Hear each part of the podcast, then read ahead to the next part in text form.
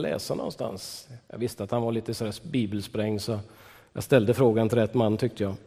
Han svarade ungefär så här, du, börja inte från början för då fastnar du nog i alla lagar så småningom, utan börja läsa Bibeln bakifrån, det är ganska häftigt, sa han. Jag visste inte ens vad det där bakifrån stod för, så jag gick hem och började bläddra i min bibel och insåg att det fanns en bok som hette Uppenbarelseboken. Jag la mig i min säng den där fredagskvällen och det tog en och en halv timme att plöja sig igenom Uppenbarelseboken 22 kapitel. Jag minns ganska väl vad jag kände när jag slog igen min bibel. För det första så var det en känsla av fascination. Det här är ju spännande. Det var en värld som öppnades som jag inte riktigt visste fanns i Bibeln. Samtidigt som det var en fascinerande värld så var det en annan känsla som också grep mig, som var ganska påtaglig. Och det var känslan av förvirring. Jag hängde med ganska bra i de första tre kapitlen, ja till och med i de första fem kapitlen med tronvisioner. Men sen när det kommer sigill och så småningom basuner, skålar, två vittnen, en kvinna som är klädd i solen, månen, tolv stjärnor och som blir jagad och förföljd av en drake som i sin tur börjar använda ett odjur och ytterligare ett odjur som sen börjar kallas för den falske profeten. Och dessutom så rider han på en sköka som kallas för Babylon som börjar snurra. 144, 666, ett rike som varar i tusen år. Hjälp mig, gode Gud. Och mitt i det så fanns en tredje känsla och det var känslan utav fruktan. Fascination, förvirring men också fruktan. Jag kände mig lite orolig. Det hade mycket att göra med mitt eget förhållande till bibeltexten. Var finns jag i Uppenbarelseboken? Tillhör jag de som har tagit odjurets märke på sig? Kommer jag tillhöra de som segrar? Eller kommer jag brinna i sjön av eld och svavel? Och någonstans så kröp det sig in ett stråk av fruktan.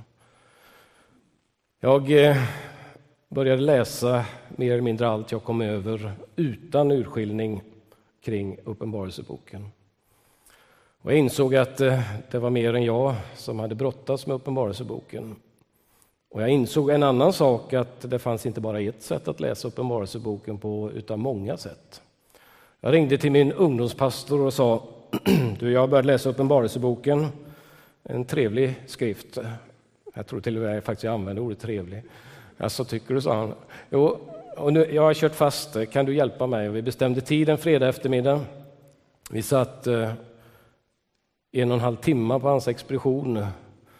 Om jag tyckte att jag befunnit mig i dimma när jag gick in där, någon slags tolkningsdimma, så befann jag mig definitivt i tjockdimma när jag stapplade ut efter en och en halv timme och kippade efter lite syre.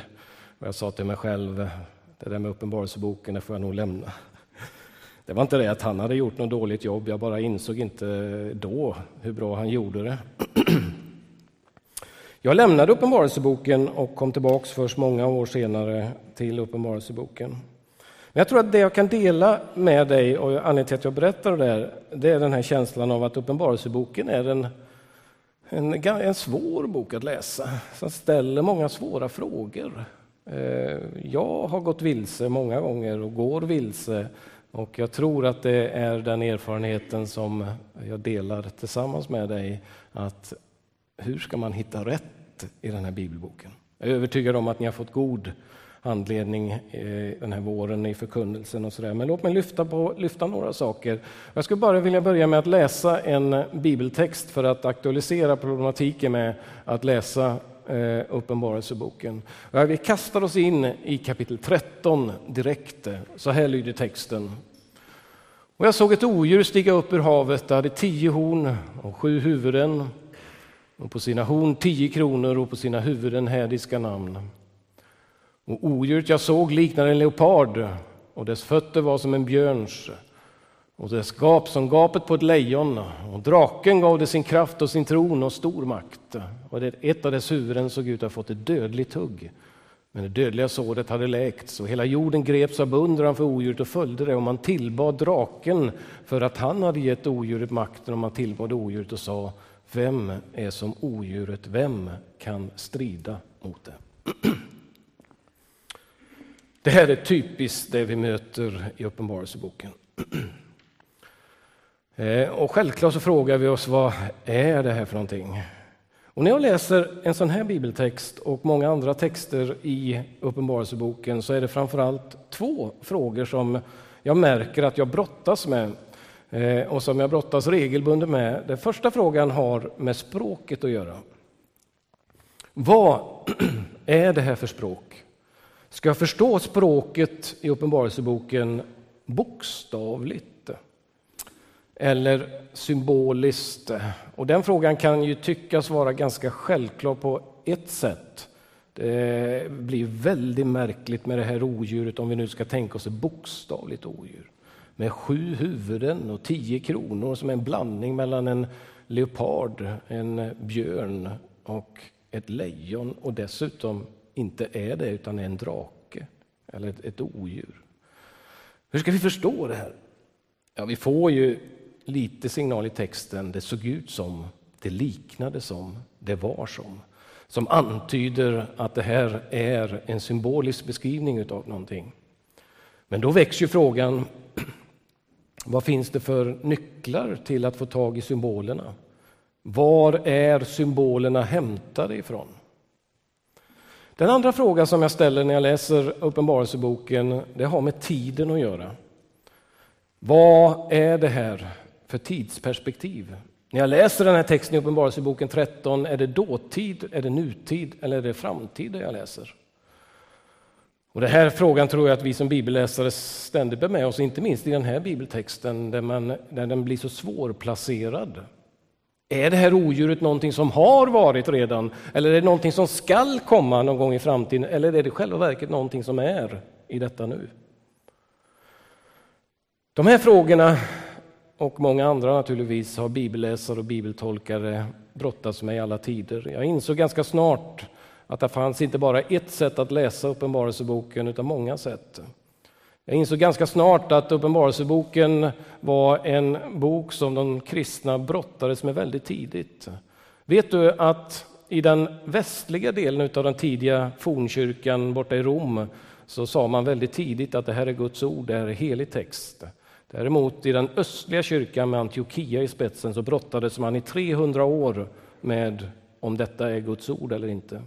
Och framförallt två anledningar till att man brottades med den frågan. Den första anledningen var att det fanns kyrkoledare som sa att en apostel, en Herrens apostel, kan inte ha skrivit någonting så obegripligt och dunkelt.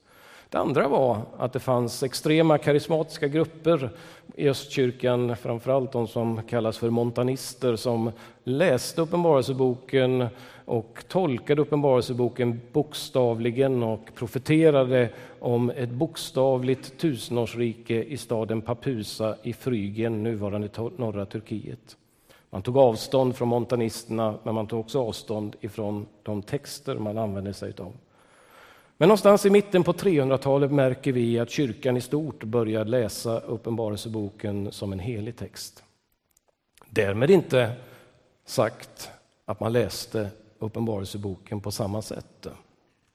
Låt oss titta på några vanliga sätt att läsa Uppenbarelseboken på i kyrkans historia.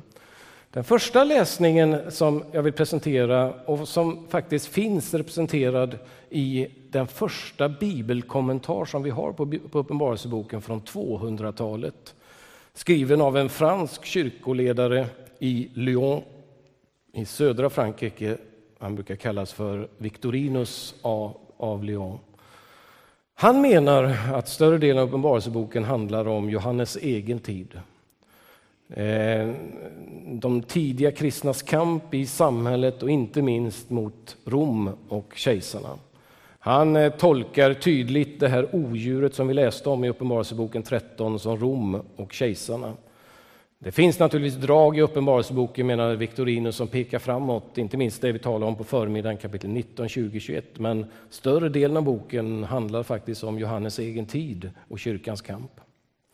Ungefär samtida i kyrkans historia så kan vi lägga märke till att det finns ett annat sätt att läsa Uppenbarelseboken som man kan beteckna för en slags futural eh, framtida läsning eller hållning till bibelboken. Det mesta i Uppenbarelseboken handlar om framtiden och den, de, de, eh, det som ska hända de, de sista åren. Man kan hitta det här i olika varianter. Det jag kallar för en extrem läsning handlar om att man bygger detaljerade scheman och mönster, sekvenser och tidtabeller för hur det här ska gå till. Om du har hört följande tidssekvens eller sekvens av uppryckande, sju års vedermöda, Israels frälsning, Jesus kommer åter, ett bokstavligt tusenårsrike här på jorden med ett upp, återuppbyggt tempel i Jerusalem, med en återinrättad offertjänst och så vidare. Det kallar jag för en mer extrem läsning. En läsning som faktiskt har präglat stora delar av frikyrkan i slutet på, från slutet av 1800-talet fram till våra dagar. Man brukar kalla den här läsningen lite mer eh, på ett teologiskt fikonspråk för dispensationalism. Och det är ett sätt att förstå Uppenbarelseboken som, som nästan, jag ska inte säga varje, men de ledande frikyrkliga företrädarna i Sverige eh, influeras väldigt starkt ifrån, eh, genom deras vistelse i USA. John Ångman inom Örebromissionen påverkas starkt av det här. Fredrik Fransson i Alliansmissionen Levi Petrus i pingströrelsen. Eh, och man kan nämna ytterligare ett antal personer som börjar läsa och plantera det här sättet att läsa, läsa väldigt tydligt i frikyrkan. Till den här läsningen under en tid hörde att man också daterar Jesu tillkommelse. Jan Ångman gjorde det vid ett antal tillfällen och det sista han daterar Jesu tillkommelse till var 1933-1934. Eh, och när, I och med att när ingenting hände där så började det sättet att förhålla sig till Uppenbarelseboken vad det gällde att datera Jesu tillkommelse att bli mer sällsynt. Det finns dock en mer modererad läsning av en futural tolkning av Uppenbarelseboken. Man spekulerar inte så mycket i detaljer och tider, men man har ändå den grundhållningen till eh, Uppenbarelseboken. Typiskt för den här läsningen är att man förstår det här odjuret som en antikrist med stort A som ska komma någon gång i framtiden. Har du läst eh, serien Left behind eller Lämnad kvar så bygger den väldigt tydligt på den här extrema läsningen med mycket detaljer och, eh, eh, kring den yttersta tiden och tidens slut. Ett tredje sätt att läsa Uppenbarelseboken som man kan märka i kyrkan är det vi kan kalla för en kyrkohistorisk eller en historisk läsning eller tolkning. Här menar man helt enkelt att Uppenbarelseboken är en slags profetisk beskrivning av kyrkans historia genom alla tider. Så läste till exempel Martin Luther Uppenbarelseboken på 1500-talet. Luther var väldigt tydlig i sin läsning av Uppenbarelseboken när han kom till det här odjuret, nämligen att odjuret är påven eller den katolska kyrkan. Han såg ett fenomen i sin egen tid som han också placerade i Uppenbarelseboken och läste Uppenbarelseboken på det här sättet.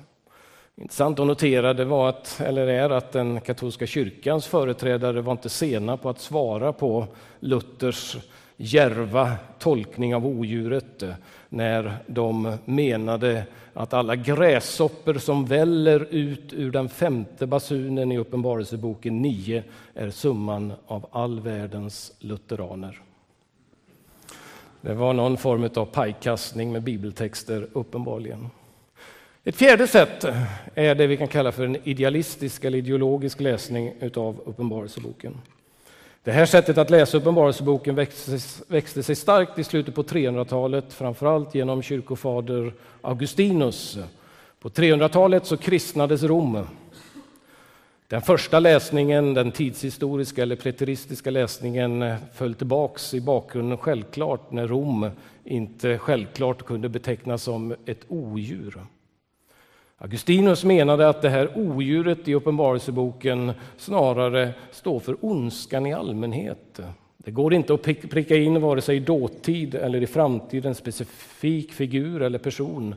Utan så här verkar ondskan i alla tider. Och så lyfte han texten till en mer allmängiltig, principiell nivå. Det finns fler sätt att läsa Uppenbarelseboken och framförallt så finns det kombinationer av de här sätten att läsa Uppenbarelseboken. Självklart så kan man känna sig förvirrad av det här. Oh, det finns så många sätt att läsa Uppenbarelseboken på. Spelar det då någon roll hur man läser den överhuvudtaget? Kan man inte vara lite postmodern och bara tolka och läsa som man vill? Alltid får man ut något. Ja, det kan man fundera på. Själv så tror jag inte att det är en hållbar läsning i längden Därför att jag tror att Johannes ville förmedla någonting, ville säga någonting. Samtidigt så ger ju en sån här översikt tillfälle att reflektera över vad jag själv bär med mig i bagaget eller i mitt, min kappsäck när jag kommer till Uppenbarelseboken. Du kanske har växt upp med en extrem futural läsning. Då bär du med dig det. Du kanske har vuxit upp med eh, en annan läsning. Kanske du har vuxit upp i England, i den anglikanska kyrkan. Ja, då tror jag inte du bär med dig den extrema futurala läsningen. Eller du kanske har tillhör en generation där du inte har hört Uppenbarelseboken överhuvudtaget. Sällan någon som förkunnar från Uppenbarelseboken. Det är ganska, jag ska inte säga anmärkningsvärt att ni har sysslat med Uppenbarelseboken Eh, så mycket det här året. Det är inte många församlingar som gör det, ska jag säga. Jag har inte koll på hela svensk kristenhet, men jag möter rätt mycket studenter, och ungdomar och pastorer och förkunnare i olika sammanhang eh, som just talar om att det talas väldigt lite om Uppenbarelseboken generellt idag jämfört med du som kanske växte upp på 40-50-talet eller strax senare. Ja, vad ska man tro? Vad ska man läsa? Hur ska man förstå? Jag säger inte att jag har eh, lösningen på alla de här frågorna. Jag skulle dock vilja peka på några saker som jag vill skicka med dig i läsningen av Uppenbarelseboken. Några saker kommer jag vara väldigt kortfattad kring. Några saker kommer jag att utveckla lite mer i detalj, just därför att ge dig ett exempel på hur man Eh, kan förhålla sig till Uppenbarelseboken. Och det ska vi göra efter kaffet. Då ska vi syssla med eh, 666 och odjurets märke i Uppenbarelseboken 12 och 13. Jag kittlar din nyfikenhet och ger dig en cliffhanger till att hänga kvar efter fikat. Eh, men det kommer först då, så jag säger som man gör på TV4, vänta lite, vi är tillbaka snart. Vi ska börja med den här texten som är ett slags förord eller introduktion till Uppenbarelseboken och som eh, ger en slags eh, bakgrund till den här texten innan det börjar hända saker. Johannes skriver så här att detta är Jesu Kristi uppenbarelse som Gud gav honom för att visa sina tjänare vad som snart ska ske. Han sände sin ängel och lät sin tjänare Johannes veta det, han som har vittnat om Guds ord och Jesu Kristi vittnesbörd. Allt han har sett. Salig den som läser upp och saliga de som hör orden i denna profetia och bevarar det som står skrivet i den, ty stunden är nära. Från Johannes till de sju församlingarna i Asien, nåd och frid från honom som är och som var och som kommer och från de sju andarna framför hans tron. Och så fortsätter texten in i vers 5. Den här introduktionen ger oss några nycklar till vad Uppenbarelseboken är för typ utav text. Jag skulle vilja säga att vi hittar åtminstone tre viktiga nycklar som jag vill utveckla med dig. Den första nyckeln hittar du inte alls egentligen, eller rättare sagt, du, du tappar den lätt på svenska. Men skulle du läst den grekiska texten så hade den lytt så här. Apokalypsis Jesu Christo. Detta är Jesu Kristi apokalyps. Översatt i Bibel 2000, detta är Jesu Kristi uppenbarelse eller avslöjande. Grejen är bara den att ordet apokalypsis var en litterär form på den här tiden. Man skrev apokalypsis. Ungefär som du säger att jag ska läsa en dikt för idag, så var apokalypsis en litterär form. Man uttryckte sig på ett speciellt sätt. Jag ska återkomma till det. Men det är det första ordet. Och det är ett, eh, eh, eh någonting framför allt som säger dig och mig något om språket i Uppenbarelseboken. Jag ska återkomma till det. Det andra ordet det hittar du uttryckligen i texten och du hittar det i vers 3. Saliga den som läser upp och saliga de som hör orden i denna profetia. Uppenbarelsen, boken utger sig för att vara en profetisk text, att vara en profetia. Profetiska texter säger oss framför allt någonting om tidsperspektivet. Relationen mellan dåtid, nutid och framtid i texten. Jag ska återkomma till det. Det tredje ordet finns inte i texten, men vi anar det i det. vers 4, formuleringen från Johannes till de sju församlingarna i Asien. nåd och frid från honom. Det låter ju nästan som om vi skulle läsa första Korinthierbrevet eller Fesebrevet. Det låter väldigt mycket som brev, och det är det. Uppenbarelseboken består av sju korta brev som ju ni har förkunnat ifrån här tidigare. Eh, det här är en typ av brevlitteratur, men det blir en märklig kombination av apokalyptiskt profetiskt brev.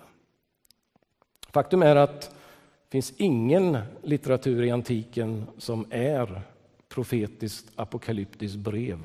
Vi känner till profetiska brev, ja till och med apokalyptiska brev, men inte den märkliga kombinationen av profetiskt apokalyptiska brev. Jag ska återkomma till det. Jag skulle vilja bara säga någonting om Uppenbarelseboken som brev, som apokalyptik och som profetisk text innan vi ska avrunda här klockan fyra. Vi börjar med den första punkten, Uppenbarelseboken som brev, som framförallt säger oss någonting om den historiska bakgrunden.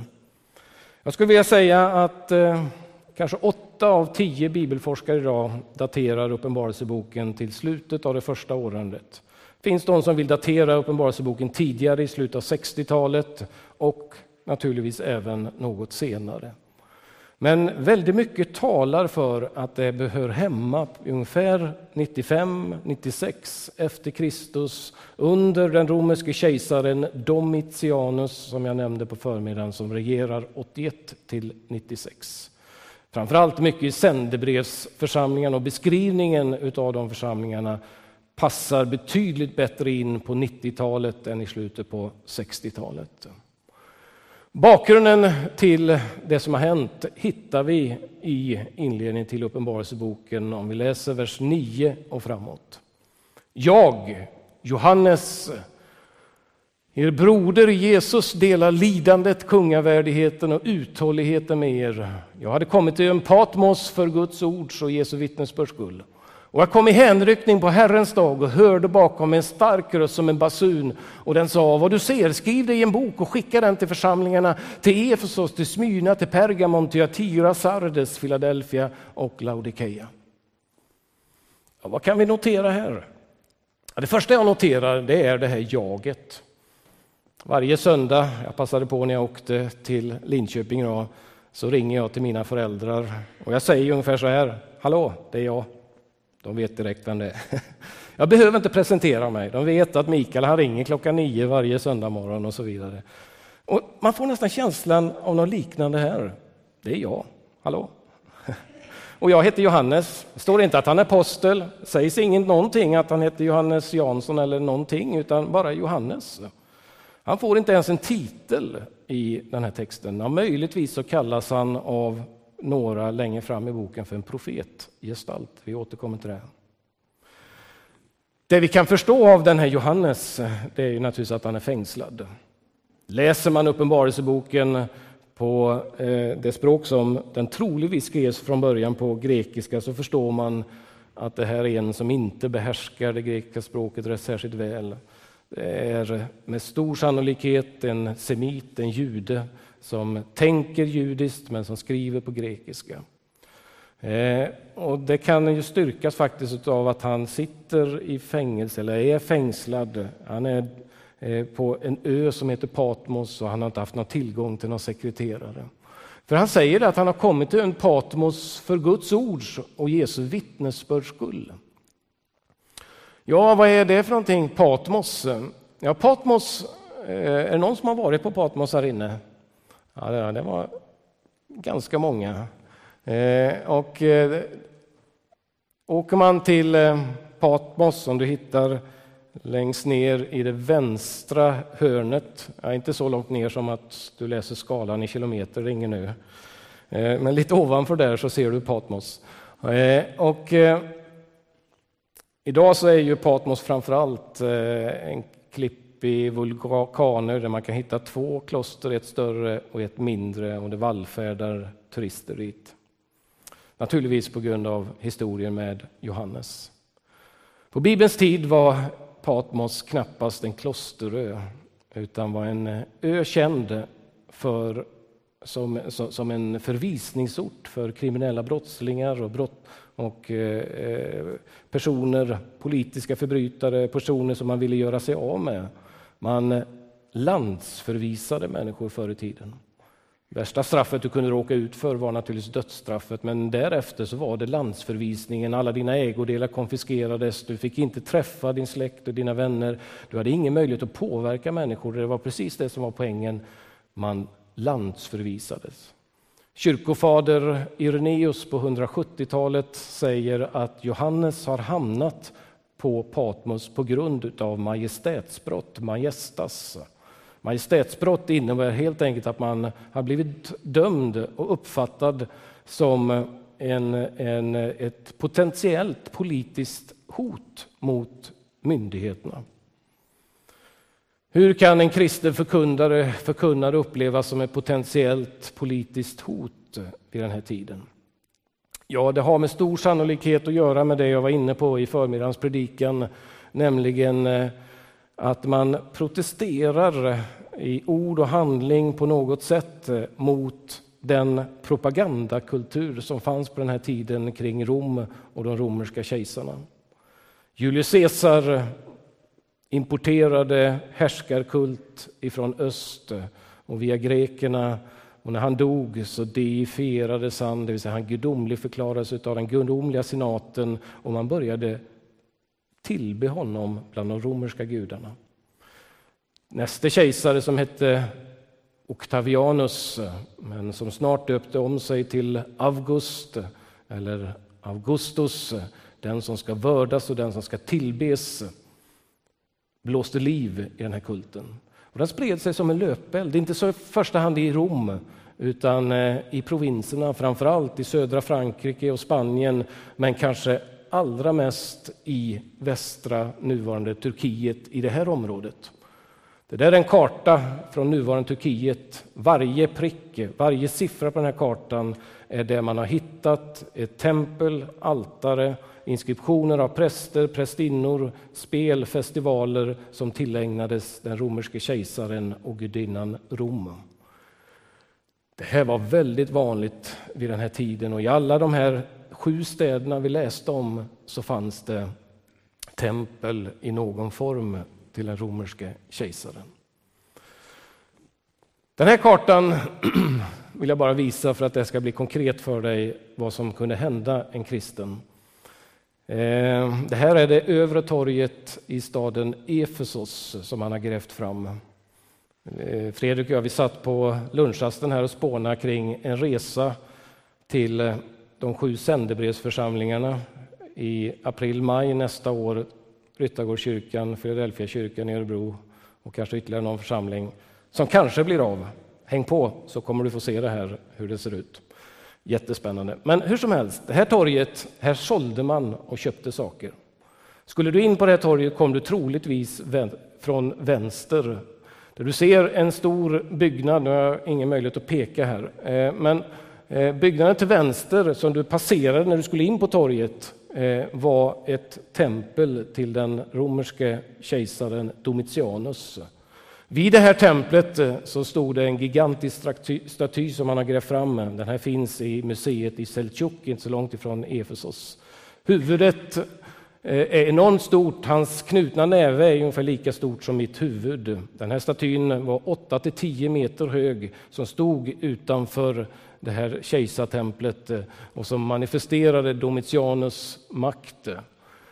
Det fanns ingen lag att du måste tillbe kejsarna, men det fanns ett starkt socialt tryck i de här städerna, i det här samhället, eh, därför att man vann Roms favör, man vann skatteförmåner, man vann Roms skydd genom att delta i lojaliteten och tillbedjan till Rom. När du väl kommer in på det här torget så möter du en byggnad först till vänster som är eh, eh, politiska Eh, ledningens byggnad och så möter du en halvcirkel till höger om den eh, som är eh, eh teatern eh, i den meningen att det är den demokratiska församlingens eh, samlingsplats i staden. Och mellan de två så ser det finns en liten byggnad med två fyrkanter som är ritade som är två tempel.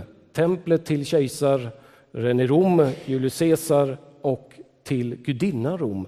Och det här är en väldigt bra illustration på hur, hur eh, religion och politik hörde ihop på den här sidan. På, på den här tiden. Det, det var eh, mer eller mindre eh, två sidor av ett och samma mynt. Du kunde inte få politisk framgång om du inte också hade favör med gudarna. Innan romarna talade om Pax Romana, den romerska freden och välståndet, så talar man om Pax Diorum, frid med gudarna. Det här hör ihop i, i antiken. Du ser två väldiga pelarkolonner på det här torget som löper eh, horisontellt. Längst bort på, hö, på övre pelarkolonnen, längst upp till höger, står två statyer, kejsar Augustus och hans fru Livia som sträcker sina händer i en slags lystringsgest, en befallning om vördnad. Mitt på torget hittar du en fyrkant. Det är templet, eller rättare sagt altaret till kejsar Augustus. Du kunde med andra ord inte gå in och köpa ett halvt kilo köttfärs på det här torget utan att komma i kontakt med kulten. Templet, bilderna. Mitt på torget symboliskt står ett altare till den romerske kejsaren placerat. Allt du köper och säljer sker i kejsarens namn. Om du inte har uppfattat det förr så uppfattar du det nog säkert när du tittar på de mynt som du har i fickan. Jag slänger bara på två vanliga mynt från den här tiden under kejsar Domitianus tid. Titta på det övre myntet. Det övre myntet skildrar eh, eh, maktanspråk från kejsar Domitianus. Det är en liten, litet gossebarn som sitter på ett klot och som håller sju stycken stjärnor i sin hand. De sju stora planeterna i universum, solen, månen, Merkurius, eh, Saturnus, Jupiter etc. etc. Ett slags maktanspråk. Jag vet inte om det klickade till hos någon när jag sa sju stjärnor i sin hand. I Uppenbarelseboken kapitel 1, vers 16 så får Johannes se en Kristusgestalt och det står han håller sju stjärnor i sin hand. Runt om på det här myntet så står det Domitianus imperator divi filius, Guds vän eller Guds son. Du hittar ett liknande mynt eh, längre ner och återigen Domitianus mynt på andra sidan så är, finns det en intressant bild av en tron. Jag pratade om tronspråk på förmiddagen. Eh, det här är ett maktspråk. Han äger tronen. Notera att den här tronen är omgedd och det brinner en fackla mitt i den här tronen och påminner väldigt mycket om tronen i Uppenbarelseboken 4. Du har det här maktspråket på pengar, mynt som gör anspråk på kejsaren som gudomlig. När vi hamnar i Uppenbarelseboken så får vi väldigt tydligt det här språket. Notera vad som hände direkt i Uppenbarelseboken kapitel 1, vers 5. Vi läste till och med vers 4 tidigare. Versen fortsätter så här i vers 5. Och från Jesus Kristus, det trovärdiga vittnet, den förstfödde från de döda och härskaren över jordens kungar, sägs det. Det finns ingen vers som är så explicit, så uttryckligen politisk angående Jesus ställning som den här versen i Nya testamentet. Du får det skrivet på näsan direkt. Vem är Jesus? Ja, det står inte att han är herre över församlingen, att han är skapelsens början eller han är den som ska underordna allt under sina fötter. Nej, det står väldigt tydligt, han härskar över jordens kungar. Är du med? Sägs någonting väldigt tydligt, väldigt tidigt i Uppenbarelseboken. Och vi skulle kunna ägna resten av den här eftermiddagen att titta på det här språket i Uppenbarelseboken. Det kommer överallt i de här visionerna, inte minst av de olika tronerna i Uppenbarelseboken. Den här versen läste vi på förmiddagen ifrån Uppenbarelseboken 4 och vers 11 och där får vi väldigt tydligt det som kejsaren i Rom sitter och säger att han är Dominus et Deus noster. I vår tid när kejsare kommer till makten så tar man ett valspråk. I antiken så tog man en titel. Kejsar Nero tog till exempel titeln Kyrios till sig själv. Att när man kallar, talar till honom så ska han kallas för Herren. Kejsar Domitianus tar titeln Dominus et Deus noster, vår Herre och Gud. När man titulerar honom offentligt i dekret eller i brev, det är så han ska tituleras. Och så möter du en tronvision i Uppenbarelseboken som har precis den formuleringen. Eller du kan hitta andra formuleringar i Uppenbarelseboken 17 eller Uppenbarelseboken 19 och 16. Beskrivningen av lammet, av Kristus. Notera det politiska språket. konungarnas konung, han är konung över konungar, han är herre över dem som påstår sig vara herre. Och det är maktanspråk som görs i Uppenbarelseboken. Jag tangerar ju det här i förmiddags, så jag ska inte utveckla det ytterligare just nu. Men låt oss titta på de här sju församlingarna i Uppenbarelseboken. Och det här ska jag ta lite kort också med tanke på att ni har jobbat med det här i förkunnelsen. Vi noterar att det är sju stycken församlingar och det är nog ingen eh, slump att det är just sju stycken. Jag återkommer till det om en stund. Men notera ordningen på församlingarna. Efesos, Smyrna, Pergamon, Thyatira, Sardet, Sardes, Philadelphia och Laodikeia. Det är den ordningen som de finns i Uppenbarelseboken 2 och 3. Och det är den ordningen som med stor sannolikhet en brevbärare skulle resa på de dåtida vägarna som romarna hade byggt vid den här tiden. Norrut från hamnstaden Efesos mot Smyrna, Pergamon, sen ta dalgången ner mot eh, Laodikeia, Hierapolis och Kolossai och sen tillbaks till e-, e-, Efesos. Faktum är att eh, de moderna vägarna går exakt så här idag. Eh, man byggde i dalgångar, i dalsänkor, längs med havet och så här går vägarna fortfarande. Det vi noterar intressant på den här kartan är ju att det finns faktiskt församlingar som vi känner till där det finns kristna som inte får ett brev. Till exempel i Kolosse eller Kolossai som du ser längst ner till höger, eller Hierapolis som Paulus hälsar till i Kolosserbrevet 4. Eh, och man kan fundera på varför inte de får någon hälsning. Den troligaste anledningen kanske har att göra med att eh, det var inte några församlingar som Johannes hade kontakt med direkt, utan det här var Paulus församlingar. Det som motsäger det är naturligtvis att Paulus ju var en lång tid i Efesos och skulle lika väl kunna eh, vara en typisk paulinsk församling. Vi vet egentligen inte, men jag håller fortfarande fast vid att det nog är den troligaste förklaringen. De här sändebreven som ni har läst och jobbat med ligger tidigt i Uppenbarelseboken. Eh, och eh, de fungerar för mig som en slags port som du går igenom när du ska in i Uppenbarelseboken. Sändebreven är de kanske mest lättlästa avsnitten, även om inte beskrivningarna av Kristus alltid är lätta att förstå. Men, men de är ändå lätta, man får liksom kläm på, det är som att läsa nästan Paulus brev. Eh, och de är viktiga. Varför är de viktiga? Jo, därför att här får du närkontakt med Johannes läsare. Här får du reda på vad hans läsare kämpar med som han ser framför sig. Låt oss titta snabbt på det här. Återigen, jag gör det här kort med tanke på att ni har jobbat med de här sändebreven. Den första församlingen är församlingen i Efesos. Och det är den största församlingen i det här området. Eh, och den församlingen beskrivs som att man eh, har kämpat väl mot falska apostlar. Man har tagit itu med ogräset, men ett problem är att det har gjorts på bekostnad utav kärleken, överlåtelsen, hängivenheten till Kristus. Johannes manar dem att vända om. Den andra församlingen är församlingen i lidande i Smyrna. Man har blivit marginaliserade och börjat erfara kamp och förföljelse. Och eh, det är någonting som kallas för Satans synagoga som troligtvis är den lokala synagogan och bidragit till det här. Judar har troligtvis pekat ut icke-judiska kristna som icke-judar och man får problem utanför synagogan med de romerska myndigheterna. Den tredje församlingen är församlingen i Pergamon. Där hittar du den ende som har dödats uttryckligen i Uppenbarelseboken när det skrivs. Där finns en som heter Antipas i kapitel 2, vers 13 som kallas för mitt trogna vittne och som har dödats på grund av sin Kristustro. Den här församlingen eh, finns, sägs det, där Satan har sin tron. En plats. Eh, Eh, reser runt i det här området, hänger du med på den här resan, nu börjar jag göra reklam här nu Fredrik.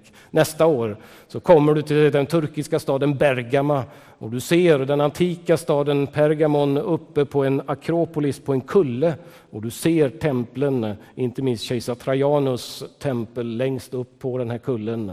Och det finns en mängd stora tempel där uppe som man har grävt fram. Tyvärr finns inte allt kvar där uppe. Man har tagit det till olika museer i Berlin framför allt, men också i Wien. Eh, men det här är staden som kompromissar. Man kompromissar i tron, man sysslar med avguderi, står det som troligtvis syftar just på det här som händer när man kommer in på marknadsplatsen och ska köpa sitt halvt kilo köttfärs en måndag förmiddag och man ser alla de här bilderna. Man ser vad som finns på pengarna och kanske de till och med säger så här, ja det är bra att ni tillber Kristus i gudstjänsten på söndag, men sen när ni ska ut på torget, ja då måste ni självklart anpassa er efter hur det ser ut. Är ni med? Och så, och så kompromissar man i tron. Det står att man sysslar med eh, omoral, med hor. Det kan naturligtvis syfta på sexuell omoral, men frågan är om det inte syftar på just den omoral och det hor som profeten Hosea pekar ut, nämligen Guds folks otrohet med andra gudar. Hur som helst, eh, när vi kommer till Tyatira så möter vi en annan församling med påtagliga problem. Församlingen som tolererar avfall och svek. Här finns en kvinna som heter eh, Isabel och som eh, proklamerar Satans djup för, för folket i Teatira. Notera de här beteckningarna, Satans synagoga, Satans tron och så möter du Satans djup i det här sändebrevet. Det är naturligtvis ett starkt språk som ska få folk att ta ställning, att se någonting, att också agera utifrån det de förstår att det här handlar om. Här sysslar man med kompromiss också och framförallt så bryr sig eh, eh människorna i församlingen inte särskilt mycket om det här kompromisset, det här sveket. I församlingen i Sardes, eh, det är kanske den församlingen som eh, får den tuffaste domen.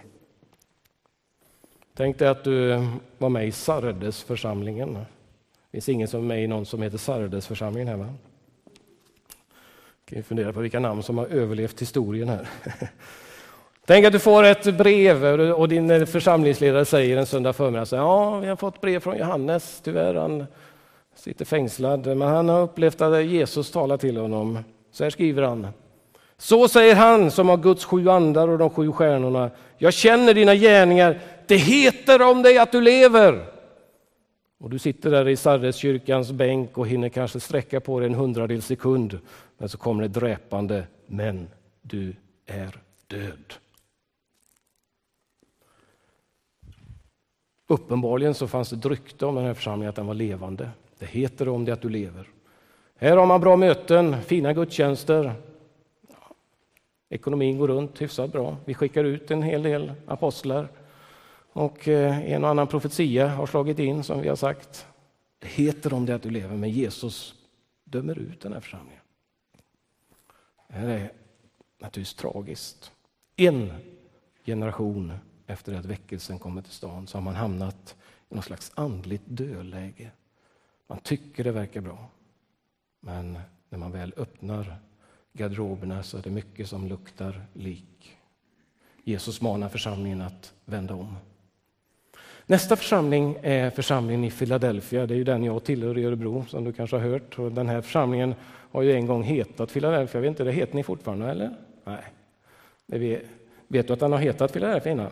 Ja. Jag tänkte jag skulle bara bräcka pastorn här.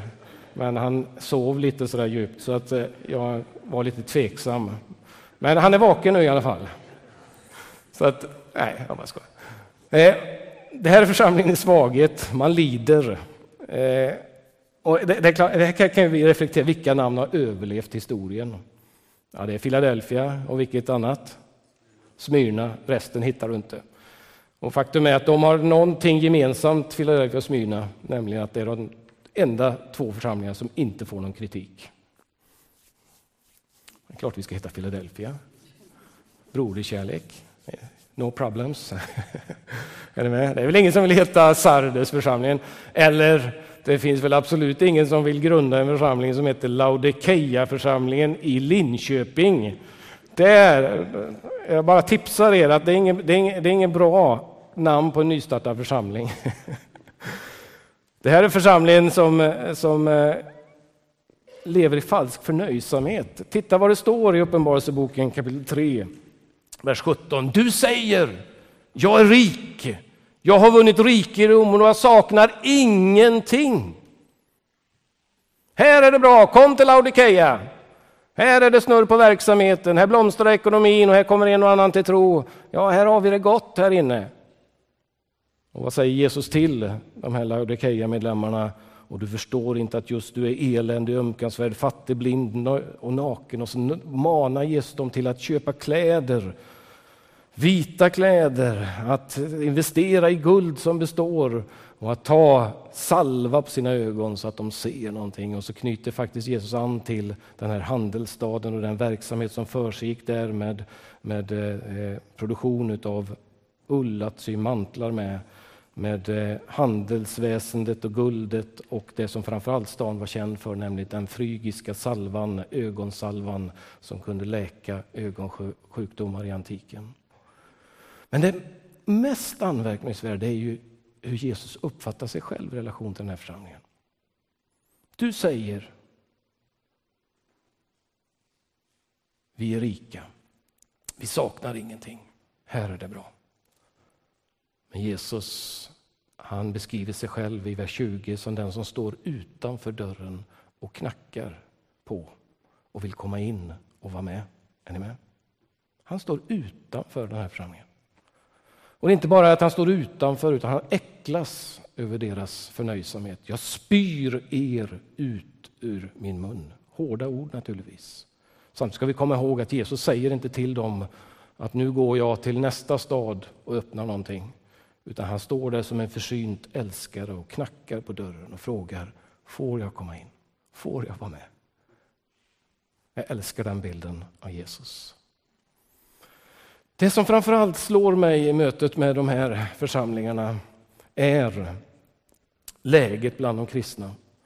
Det här är andra generationens kristna ungefär 40 år efter väckelsen kom till stan.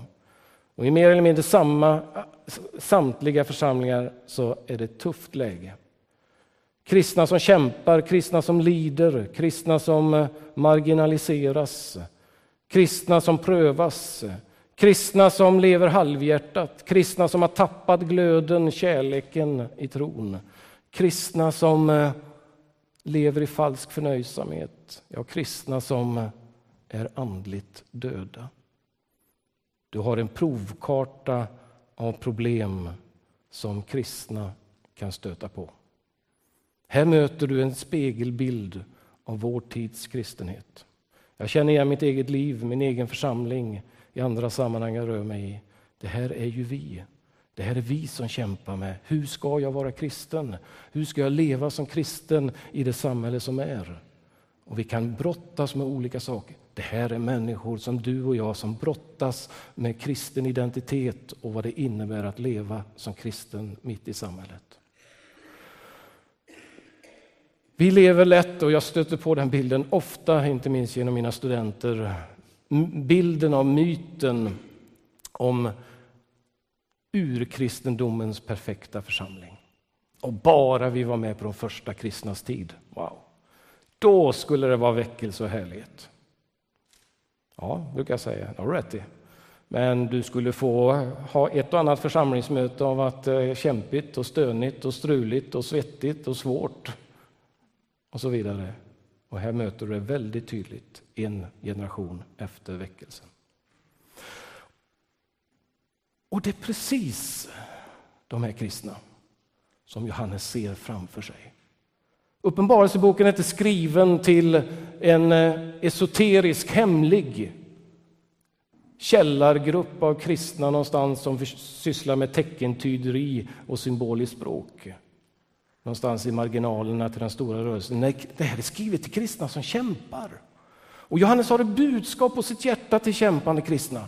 Hör ni, läs det här så ska ni se någonting. Jag har sett någonting och ni behöver se någonting av det här. Och får ni se och får ni tag i det här, då kommer någonting att hända. Jag uppfattar Johannes så. Det är det jag menar med att de här breven är inkörsporten till resten. För i Uppenbarelseboken kapitel 4 så får Johannes höra en röst som säger Kom hit upp, så ska ni få se. Innan vi går på kaffe så ska jag bara introducera nästa punkt.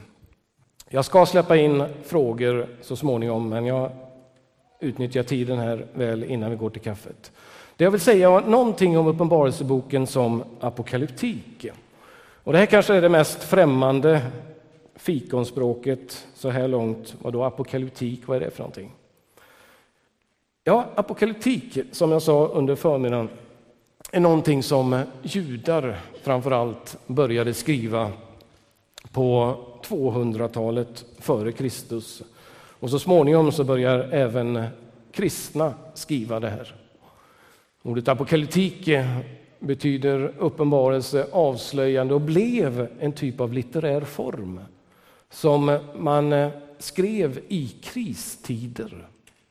Det här sättet att skriva säger aldrig så säger Herren som profetlitteraturen, utan man börjar skriva Ofta så tog man hjälp av kända figurer. Det finns till exempel en apokalyptisk judisk text från ungefär 150 f.Kr. som heter Första Henoksboken. Och Henok känner du till som är bibelläsare att Henok var en gammal man i Första Moseboken 5 som var ute på vandring. Och så står det att han kom aldrig hem till kvällen för han gick hem till Gud direkt. Kan ni tänka er hur lätt det var att spinna vidare där kring den här Henok? Vad var det som hände egentligen? Och I första Henoksboken, en judisk skrift från 150 f.Kr. så talas det om hur Henok får göra resor upp i himlarna. Till slut står han inför Guds tron. Han får se eldar, facklor, ädelstenar. Han får se olika djur och han får se änglavarelser. Jag skulle kunna smälla upp texter från första Henoksboken och en del av er kanske skulle tro att ja, men, det här är Uppenbarelseboken. Faktiskt väldigt lika texter om myriaders och myriaders av änglar, om en gestalt klädd i vitt linne vars ansikte lyser som solen, hans hår är som ull. Det hittar du i första Henoksboken och så vidare. Det vill säga man skrev genom att skildra människors resor upp i himlarna. Den här typen av litteratur brukar man för det första säga att eh, att den är, det är en typ av eh, politisk litteratur. Eh, därför att ofta så adresserar apokalyptiken, den judiska apokalyptiken, så småningom den kristna, trängda politiska lägen när folket börjar marginaliseras, förlöjligas och förföljas. Rötterna finns i det som judarna upplever under de så kallade selevkidiska lydkonungarna i Syrien på 170-160-talet före Kristus. Enorm förföljelse av det judiska folket. Jag skulle vilja säga att näst efter förintelsen så har du den tuffaste tiden för det judiska folket vid den här tiden. Eh, en del ville samarbeta med de som ockuperade, andra de drog ut i öknen, andra tog till knivar och började strida i Guds namn, andra sa vi måste börja läsa texterna. Men de här apokalyptikerna de gick under jorden och började se saker eller förmedla saker i syner och visioner hur de skulle kunna bli en andlig motståndsrörelse. I apokalyptiken så kan man också säga att det finns en väldigt tydlig existentiell ådra. I den betydelsen att den väcker de svåra frågorna, det här som jag tog tag i på förmiddagen. Nämligen frågan om var Gud finns när hans folk lider. Gud har lovat seger. Gud har lovat framgång åt hans folk. Och så förtrumpas man, man förlöjligas, man förföljs, man dödas. Var finns du Gud? Varför gör du ingenting? Och vem är du egentligen? Det kallar vi för existentiell litteratur. Den tar sitt avstamp i frågor om lidandet och hur Gud förhåller sig till lidandet och den här världen. För det tredje så kännetecknas den här typen av litteratur av att det är en symbolisk litteratur. Nu läser uppenbar, förlåt, apokalyptik, inklusive Uppenbarelseboken, så, så har man den här känslan av att det är väldigt mycket symboler. Du kan läsa judisk apokalyptik och du tror att du är på en zoologisk trädgård. Det är ekorrar som hoppar fram, det är flodhästar, det är elefanter, det är lejon, det är odjur etc. etc. Eh, och, och, och, mm, innan kaffet här nu, så, så låt, låt mig bara peka på någonting av apokalyptikens symbolspråk, hur det kan se ut. Det kan vara de här djuren som jag nämnde. Eh, det vill säga att, och framförallt att, att olika djur kunde gestalta olika makthavare. Jag vet inte om du har tänkt på det i politiska karikatyrer. Jag kan rita en björn och det förknippas med ett land, Ryssland. Jag kan rita en drake och det förknippas med Kina. Jag kan rita en örn och det förknippas med USA. Är du med? Det här har sina rötter i den här typen av litteratur. Faktum är att jag kan rita en tiger och prata om en svensk tiger, men jag kan framför allt rita en frodig, kraftig kvinna som ett gestalt för Sverige, Moder Svea. Notera att du har tre kvinnogestalter i Uppenbarelseboken som står för tre folk. Kvinnan klädd i solen, månen och tolv stjärnor. Vi ska komma till henne efter kaffet. Och du har skökan Babylon och du har bruden Jerusalem. Tre folk.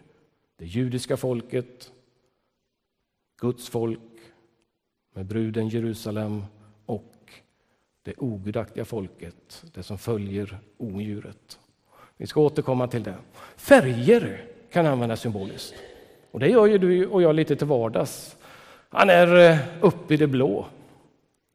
Han är vit som ett lakan. Han är grön av avund. Är ni med? Färger betecknar någonting. Och det här märker vi i Uppenbarelseboken. Det kommer en vit häst, en röd häst, en svart häst, en gul blek häst. Han var klädd i scharlakansrött, i purpurrött och så vidare.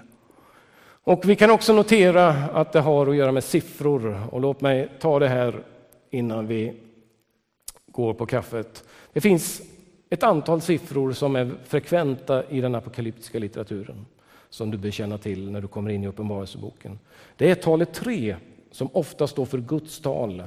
Gud är den trefalt helige och det här blir naturligtvis viktigt i kristen tro. Vi talar ju om en treenig Gud. Eh, framförallt så är den här talet fyra eh, kanske lättare att förklara. Eh, vi talar om fyra årstider, fyra väderstreck, jordens fyra hörn och så vidare. Så har du skapelsens tal. Och det intressanta är att du har Gud och hans skapelse med trean och fyran. Och vad du då kan göra det är ju att ta tre plus fyra. Och vad får du då? Jo, du får talet sju som i apokalyptiken ofta står för totalitetens eller fullhetens tal. Och du kan ju börja leka med siffror. Något som nästan liknar fullheten men inte riktigt kommer fram. Och så får du sexan som i apokalyptiken blir människans tal och så småningom också ondskans tal. Och det här återkommer vi till när vi ska prata om 666. Och avslutningsvis, du kan ju inte bara addera de här talen utan du kan ju dessutom multiplicera trean och fyran och du får tolvan, Guds folkets tal. Jag tror vi stannar där och så ska vi när vi kommer tillbaks gå till Uppenbarelseboken för att titta på de här talen och framförallt på odjurets tal och 666.